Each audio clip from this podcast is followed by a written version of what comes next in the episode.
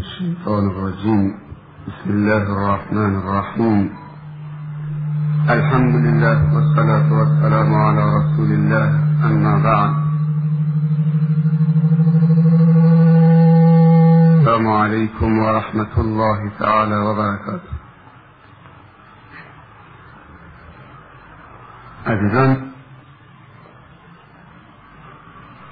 چیزهایی که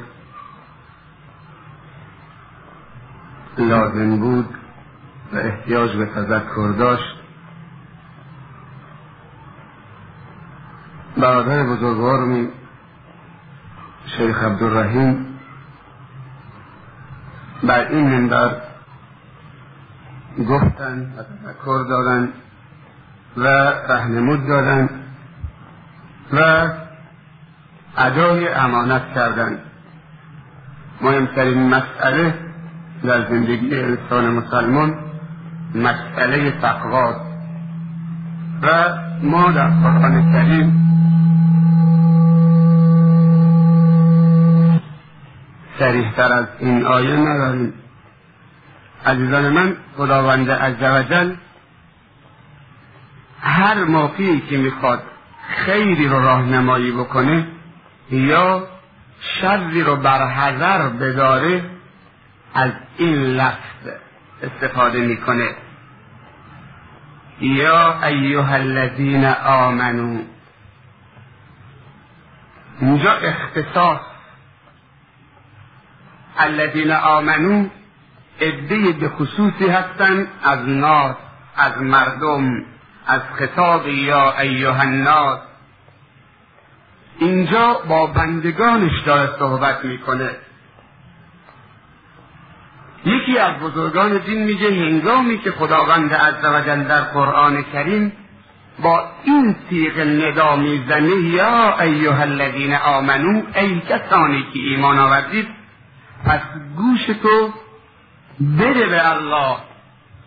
گوش تو بده به پروردگارت بده به ربت یا خیری می‌خواد تو رو راهنمایی بکنه یا شریه می‌خواد تو رو بر حذر بداره. یا ایها الذین آمنو قو فعل امر از تقوا. انسان مسلمان برای خودش زنده نیست. اول خودش دوم خانوادهش سوم قوم پیشانش چهارم همسایش پنجم همشهریش. همطور برو.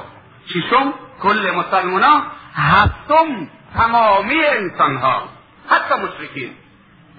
ما در قبال مشرکین و کفار و ملحدین هم حتی مسئولیم. همونطوری که اطراف ما و گذشتگان ما دین را رسوندن و مشعل هدایت و دست گرفتن و در مدینه منوره و مکی معظمه که هر نمازی صد هزار نماز فرض داره در مسجد الحرام نموندن.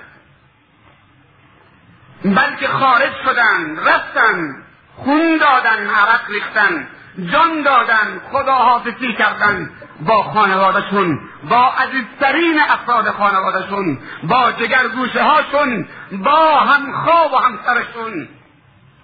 در صدر اسلام بزرگان اسلام ننگ بوده که زن مسلمانی به شوهر مسلحش و مبلغش و حامل دین خدا و میراث در رسول اکرم صلی الله علیه وسلم که مشعل هدایت و دست می‌گیره و از خانه خودش گم برمیداره به بیرون.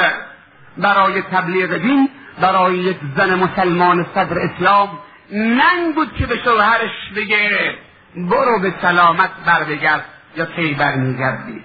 کسی که در راه الله میره بیرون دیگه زن مسلمان حق نداره به شوهرش بگه برو به سلامت بر بگرد نه عزیزان من اگر ما بریم به سلامت بر بگردیم در صورتی که ادعای میراث پیغمبر صلی الله علیه وسلم می‌کنیم و حامل میراث پیغمبر صلی الله علیه وسلم و ادعا رو داریم و ادعای اصلاح مردم رو داریم.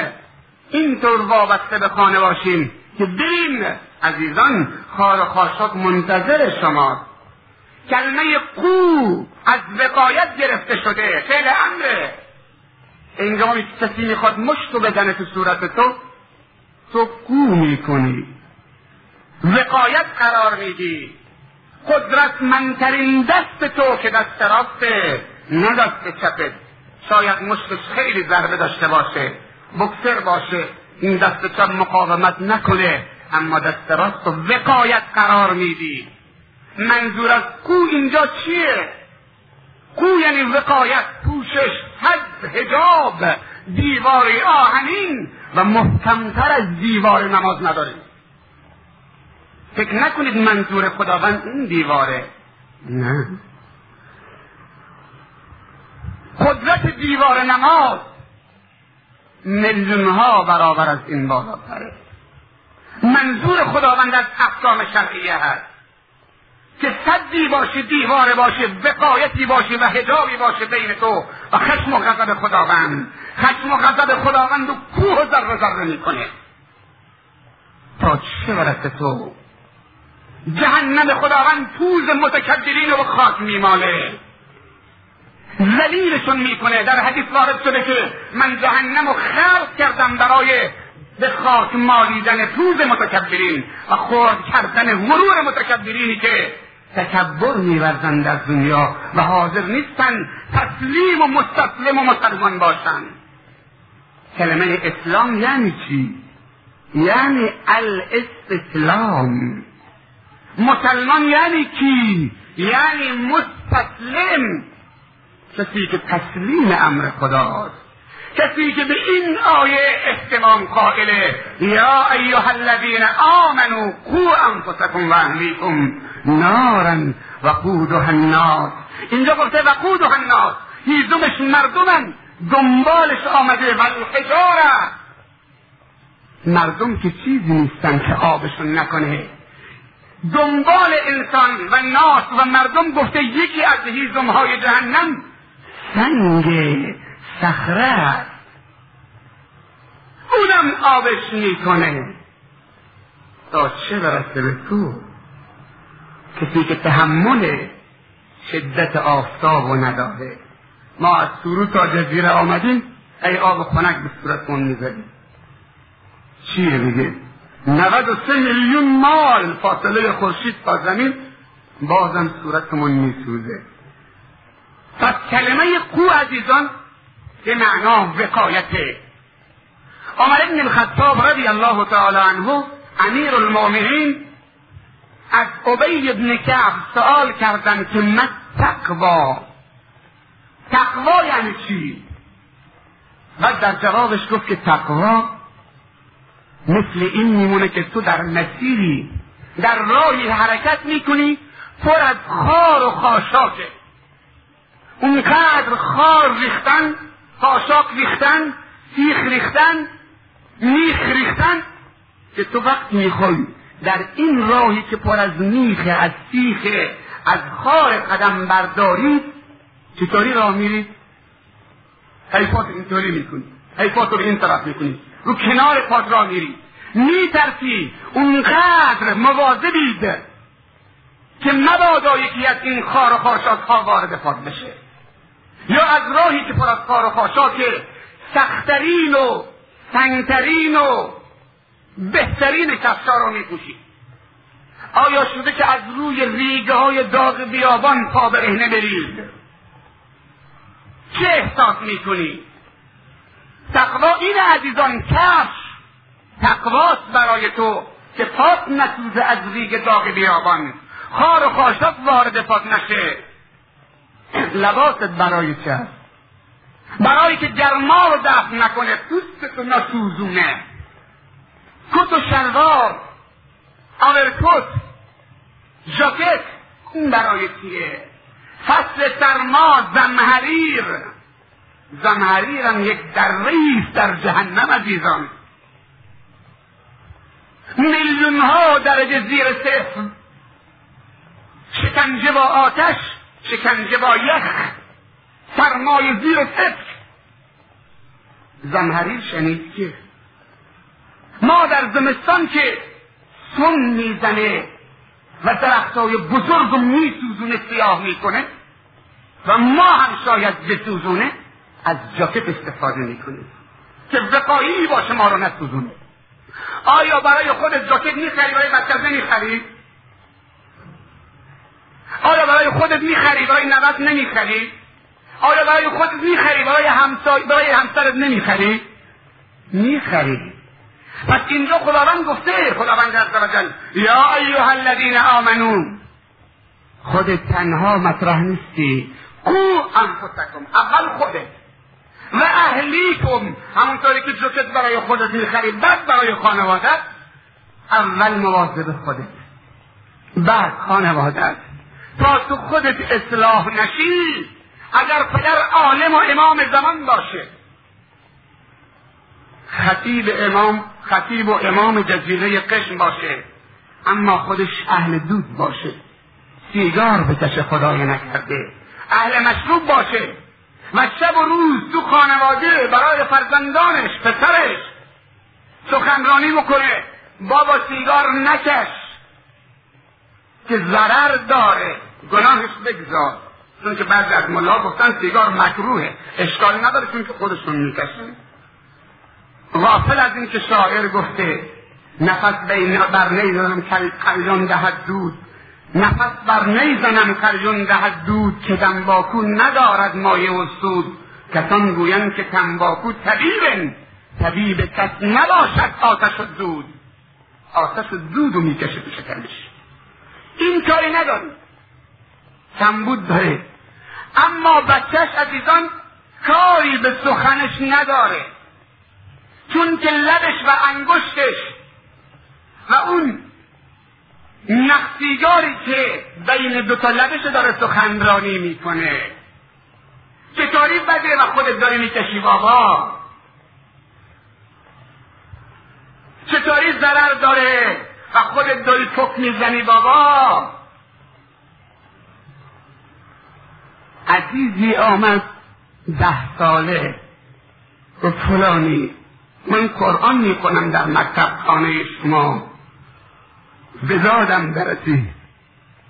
گفتم چی شده عزیزم؟ گفت من اینجا سی جز قرآن در پونزده روز ختمش کردم. و شاگرد نمونه هستم در مدرسه.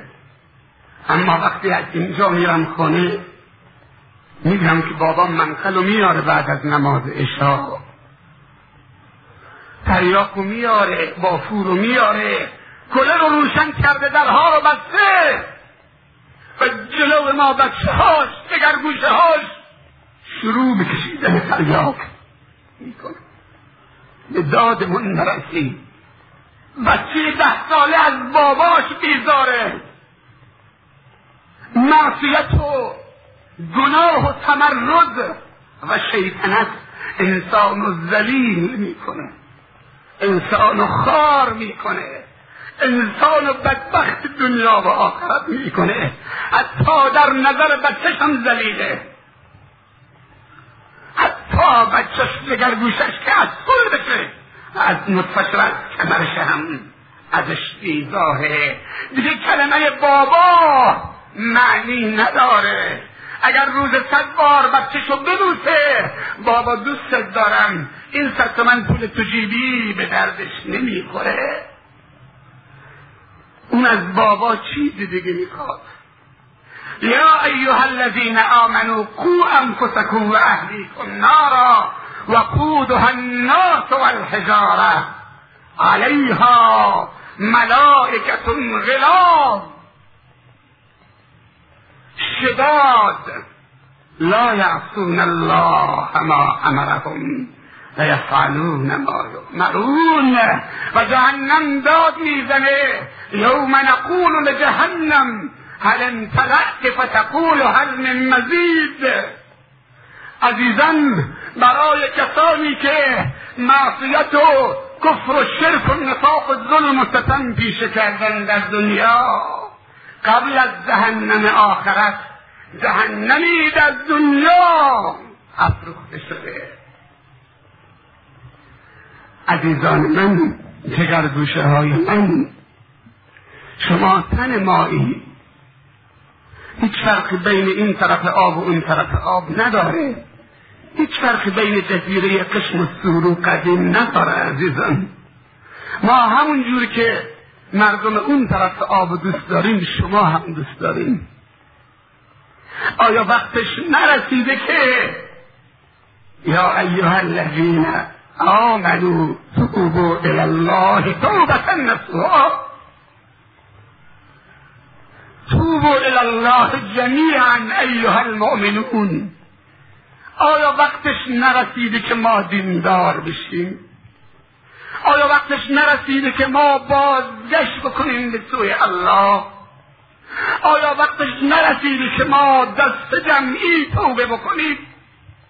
کل جزیره قشم زن و مرد بزرگ و کوچک فقیر و تاجر همه با هم با یک صدا توبه بکنن؟ پس کی وقتش می‌رسه؟ برای کی گذاشتی آیا کار دنیوی را امروز به فردا میندازی آیا اگر به گفتن فلان جنس از دوبی بیاری هر بستی سی هزار تومن صد هزار تومن کار می‌کنه. آیا میگی بعد از ده سال میرم این کار می‌کنم؟ طول و قرض می‌گیری. وام می‌گیری که جنس بیاری. میگه وام می‌گیرم بعد طولشو که تو یک هفته در می‌کنم. اما توبه چرا؟ برای کی گذاشتی؟ مگر عمر دست خودته کاری نکن که درهای توبه در صورتت بسته بشه. کاری نکن که روحت به حلقوم و انجره برسه. کاری نکن که آفتاب از مغرب طلوع بکنه.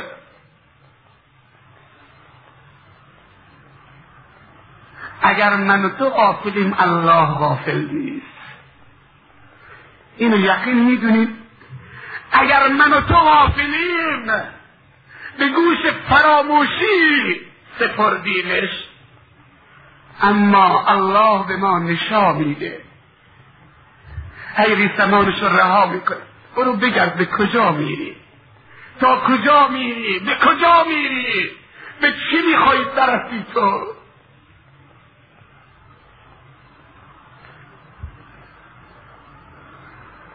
آدم دردش میاد. یک مرد مسلمان یک زن مسلمان.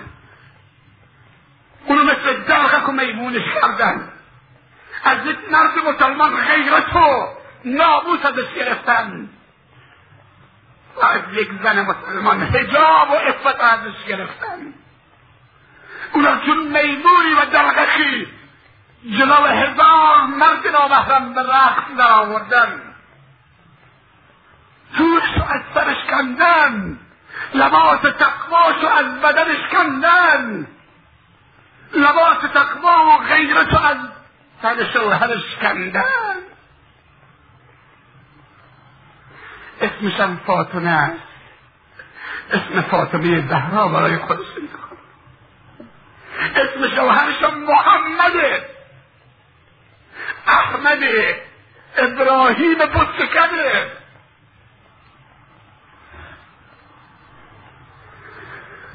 ترجو النجاة ولم تسلك مسالكها لعمرك هذا في الكلام بديع. لو كان حبك تعصي الإله وأنت تظهر حبه لعمرك هذا في الكلام بديع. لو كان حبك صادقا لأطعته إن الحبيب لمن يحب مطيع. ترجو النجاة ولم تسلك مسالكها. إن السفينة لا تجري على يبس تو امید نجات داری اما مسلک و راه نجات رو نرفتی. تو فکر می‌کنی که کشتی روی خشکی راه میره؟ نه عزیزان من. امام و خطیب بر منبر چه گفت؟ حدیثی گفت که تمامی رگهای بدنم رو به لرزه در آورد. ان الله حرم الجنه خداوند جنت و بهشت حرام کرده. بر کی؟ بر من و تو. چه مصیبتی از این بالاتر؟ کل مردم از من قهر باشن. با من حرف نزنن. با من کاری نداشته باشن. مصیبت اما مصیبت اندکه. اما اگر خدایی نکرده اون روز پیش نیاد عزیزان. گریه بکنیم دست بلند بکنیم به سوی الله.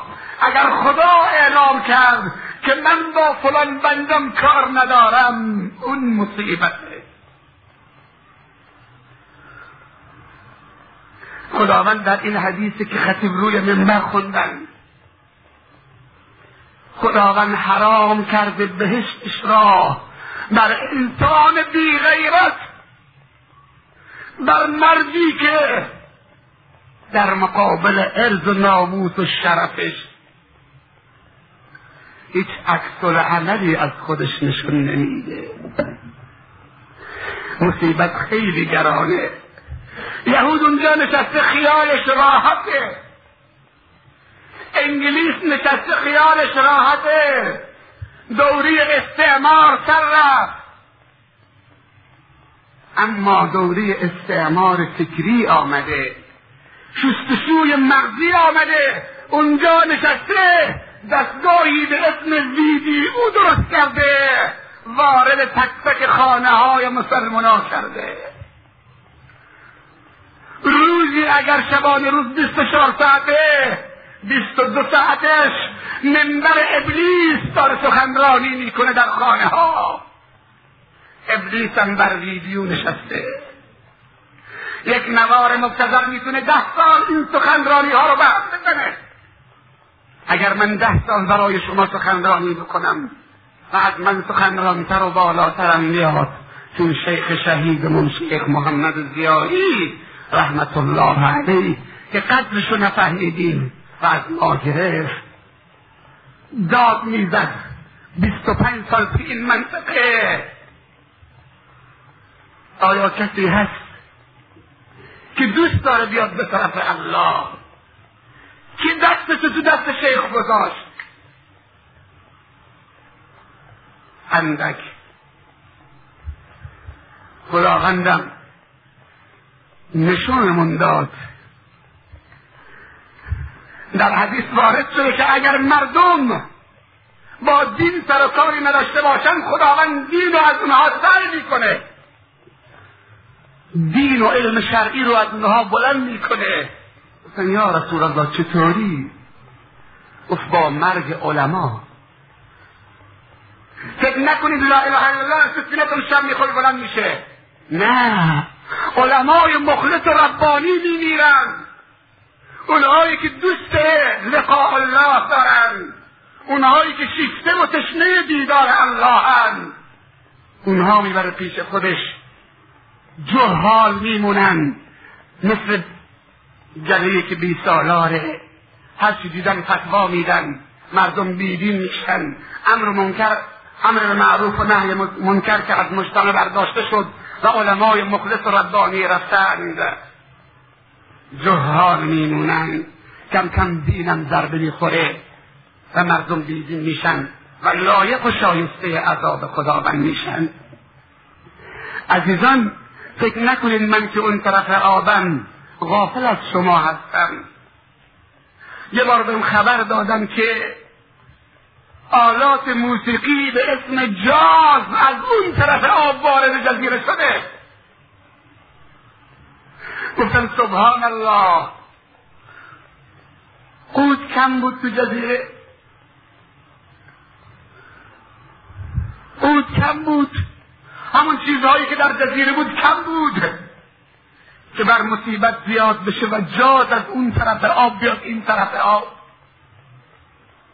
مردم غیور و دیندار جزیره که الگوی مردمه اون طرف آبن کجا رفتند کجا رفتن؟ غیرت دینی کجا رفته؟ امر معروف و نهی از منکر کجا رفته؟ فکر نکنید جیبا پر شد خالی نمیشه؟ خداوند اون قدر مال به قارون داده بود هنگامی که ملک الموت خداوند عز وجل فرستاد که اونو نابود بکنه. گفت بارلا اجازه بده تا از این نعمتش یک ذره استفاده بکنه.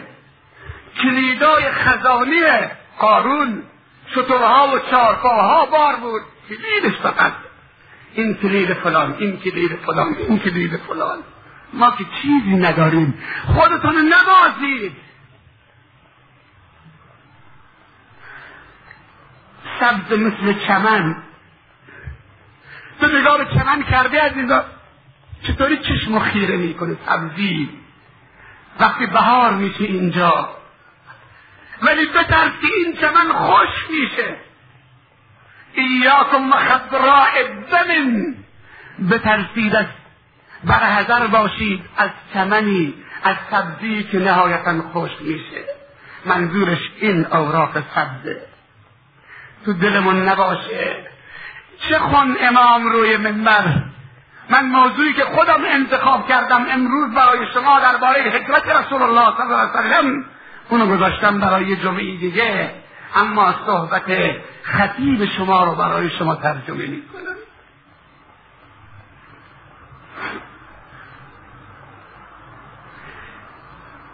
الله تو را برای خودش خلق کرده. نه برای اینها. اینها هم برای تو خلق کرده. نه برای خودش. خودش که احتیاج به اینا نداره. عزیزان من اگر الله داشته باشیم همه چی داریم. یه روزی دوستان تعریف می‌کردن که خداوند وقتی می‌خواد ماری رو از کسی که بهش داده امتحانش بکنه پس بگیره و بده به کسی دیگه یک موتور لنجی دویست تن سیصد تن روی آب می‌رفت. گشت دنبال یک قایقی بود که چه کاچاک داشت. قایق میچرخید گلف دنبالش. می‌خواست بزنه تو موتورش تو اونو بخوابونه تیراندازی کرد. قایق خودشو کشید تیر رفت تو کپسول گاز. تو لنجی که سر لنگر بود. کپسول منفجر شد لنج دویست تن سر لنگر چه در جا سوخت.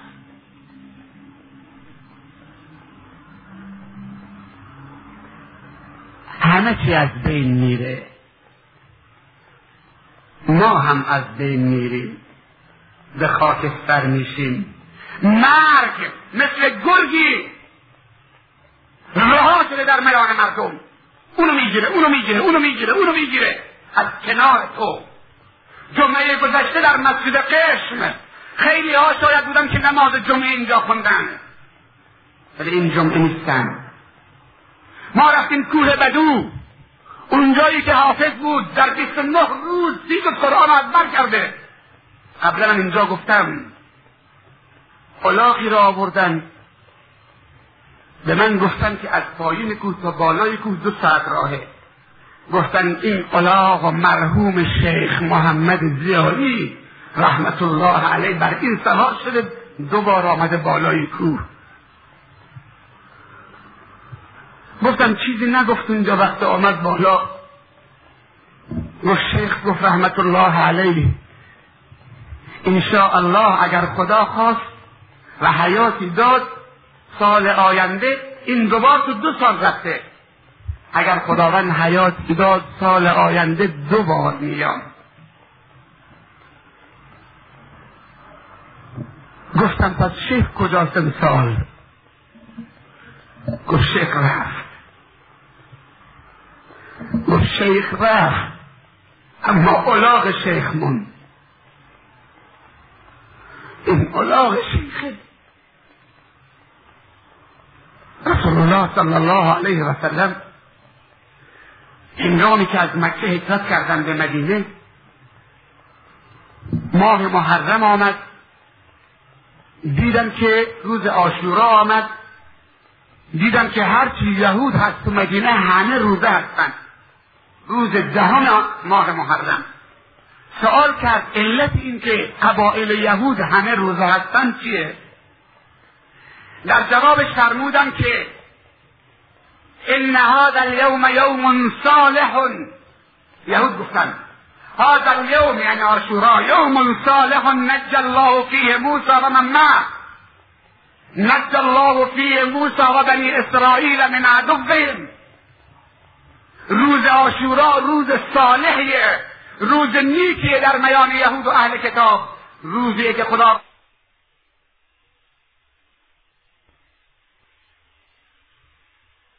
ظالم از اون فرعون از اون کسی که ادعای خداوندی می‌کرد.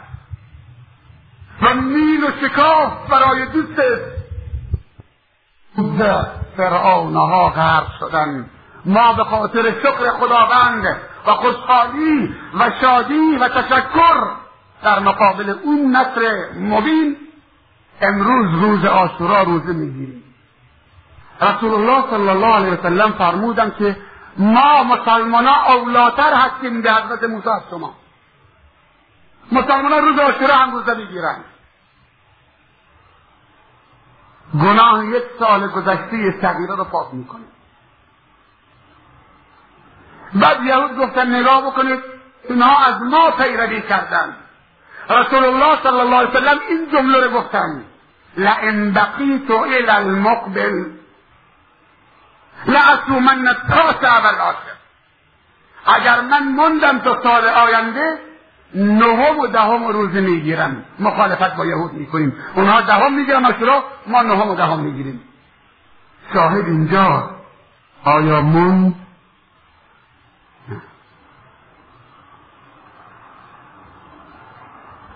امسال برای نماز تراویح در ماه مبارک رمضان هنگامی که مردم دست دسته از کل منطقه در اولین شب مبارک ماه مبارک رمضان فوج فوج سرازیر شدن به سوی مسجد گلداری که نماز تراویح را پشت سر شیخشون بخونن یک دفعه جا خوردن شیخ در علت می‌دونی چی عزیزان که خداوند این عالم ربانی رو از ما گرفت. ناشکری ما. ناشکری ما. یکی گفت شیخ زود رفت. خیلی زود شهید شد. گفتم نه خیلی دیر بود. بیست و پنج سال قبلی بعد جوابش گفتم وقتی اصلش یک لوتی و رقاصه و مطرب و زن و یک خمار.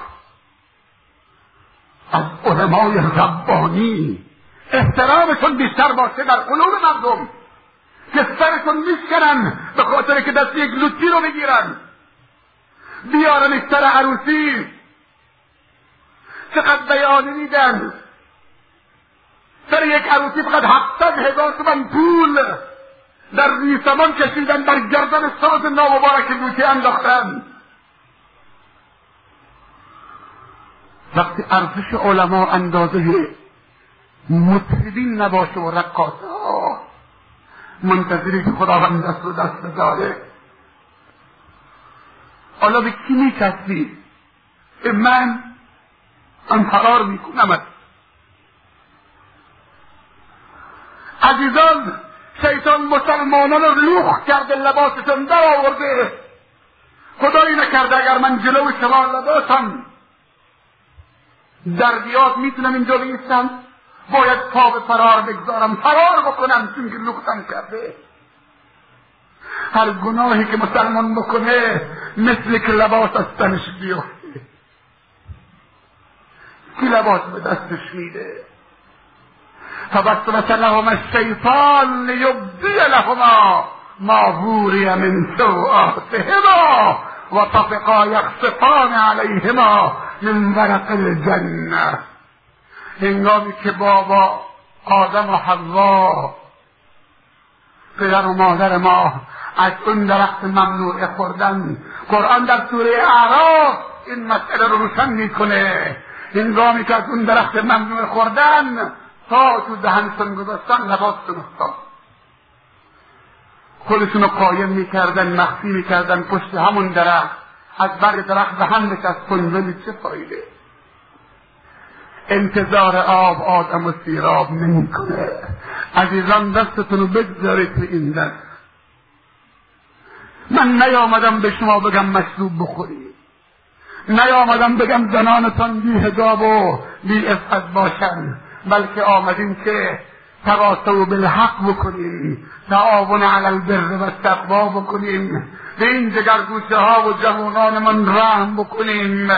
عیب از ماست عزیزان نعیب زماننا و العیب فینا و مال زماننا عیب سوانا. عیب زمانه می‌گیریم عجب زمانی پستی آمده عجب دوره پستی گرفته عجب دوره بدی گرفته دوره بدی نه عزیزان. عیب زمانه من و توییم همون آفتابه همون ماهتابه همون ساعته همون روز و شبه همون هفته و همون ماه و ساله. صحابه رسول الله در همین ایام و همین هفته ها همین محرم و سفر و فلان فرجب زندگی می‌کردن. ما هم زندگی می‌کنیم. دست ما خودمون عزیزان. توبه دست جمعی لازمه. دوستان میگن تو چرا قسم نمیای؟ دو سالی که نیامدی. من بیام قسم میام قسم من به خدا قسم خوشم نمیاد و دوست ندارم که عزیزان میگن به به. امروز نبودی عجب سخنرانی کرد فلانی. همه به گریه افتادن. لذت بردیم کیف کردیم. سخنرانی کیف نداره. سخنرانی قال الله و قال رسول الله. کیف کردن بدون عمل به درد نمی‌خوره. اگر تو کیف کردی باید عمل بکنی. باید آسین ضد و بالا بزنید یکی از دوستان می‌گفت روی خیابان ایستاده بودم یه ماشین سواری ترمز زد. شیشه هم بالا کشیده بود. این کاندیشن کرده بود. پول موسیقم پول. یا به گفته خودش میوزیک پول بعد دید که همشهریش ترمز زد سوار شدم دیدم که نوار عجیبه جاز فلان مایکل جاکسون. ماشین اصلا یک حالت عجیبی داده بعد میگه دست دادم رو دکمه بدون که باید صحبت بکنم. دست فشار دادم رو دکمه زبطش نوارش رو در آوردم. شیشه ماشین رو پایین کشیدم پرد کردم تو خیابون. بعد گفت چه کار کردی؟ نوارمو بیرون انداختی. بعد میگه در جوابش گفتم. دیگه دوره این نوارها سر رفته. شیشه ماشین پایین پرد کردم بیرون. گفت چطور سر رفته؟ گفته باید خبر نداری کجا زندگی می‌کنی؟ ماشین ها مغازه ها لنگ ها موتورها حتی رو موتور. تو محل کار همه جا خانه ها زن ها دخترها پسرها تو کجایی؟ تو کجا داری زندگی می‌کنی زندگی می‌کنی؟ کسی دیگه این نوارها گوش نمیده. همش نوار سخنرانی گوش میدن. امروزه ننگ اگر تو ماشین تو نوار موسیقی باشه مردم رسیدن به بهشت خداوندی به رضای خداوندی به رحمت خداوندی به معنویات رسیدن به رضای الله رسیدن دیندار شدن. تو هنوز تو موسیقی؟ بیا که این آدم رو سیر نمی‌کنه. این دل تو پر نمی‌کنه. این تو را اشباه نمی‌کنه. این کمبود تو را جبران نمی‌کنه. جوانم عزیزم تو قیاقت رو باز کردی تا اینجا. انگشتر طلا دستته بند طلا گردنته مولد به اون طرف به اون طرف کردیم. اینها درون انسان سیر نمی‌کنه. این دلالت در کمبود داخلی میده. این کمبود شخصیت داره. کمبود شخصیت با این کارا جبران نمیشه. کمبود شخصیت داره بیاد دیندار بشه. نگاه کن چی میشه بلال چه بود؟ یک سیاهی. اینجا نیست به سیاهی بلال. که من تشریح بکنم بگم این مثل سیاهی بلاله. این شاید باشه. ولی افتخار نیست برای ما سفیدها. بلال. نه. ظلم کردیم به بلال. حضرت سیدنا بلال رضی الله تعالی عنه. این شخصیت بهش میگن. روزی که رسول الله صلی الله علیه از مکه به مدینه هجرت کرد. به بلال گفت برو بالای مسجد اذان بگو. گفت برو بالا. بلال نگاه کرد این طرف این طرف. گفت یا رسول الله به تو؟ به من باورش نمی‌شد. گفت بله به تو سیاه حبشی برده که خداوند آزادت کرد این همه عظمت رو در درون تو قرار داد سیدنا بلال رضی الله تعالی عنه. صدها میلیون ها سفیدها به ناخن بلال سیاه نمی‌رسن نزد خداوند عز وجل که سیاه رو تحویل می‌گیره؟ مگر دین الله مگر رسول الله مگر دم سفید پیشان مؤمنین مگر در صفهای نماز. سیاه و سفید از بین میبره. همه جلو الله یکی هستند لباس احرام به چه معنا؟ عزیزان من فرصت خیلی کمه. من بعد از نماز رو انتخاب کردم که هر کسی کار داره بره هر کسی وعده داره بره هر کسی گرسنه شده بره هر کسی زن و بچهش منتظرشن که باش غذا بخوره بره. هر کسی خسته شده تا ده آمده بره. اما هر کسی کار نداره بنشینه و این چند کلمه درد دل رو بشنوه. بار ما رو سبکتر بکنه.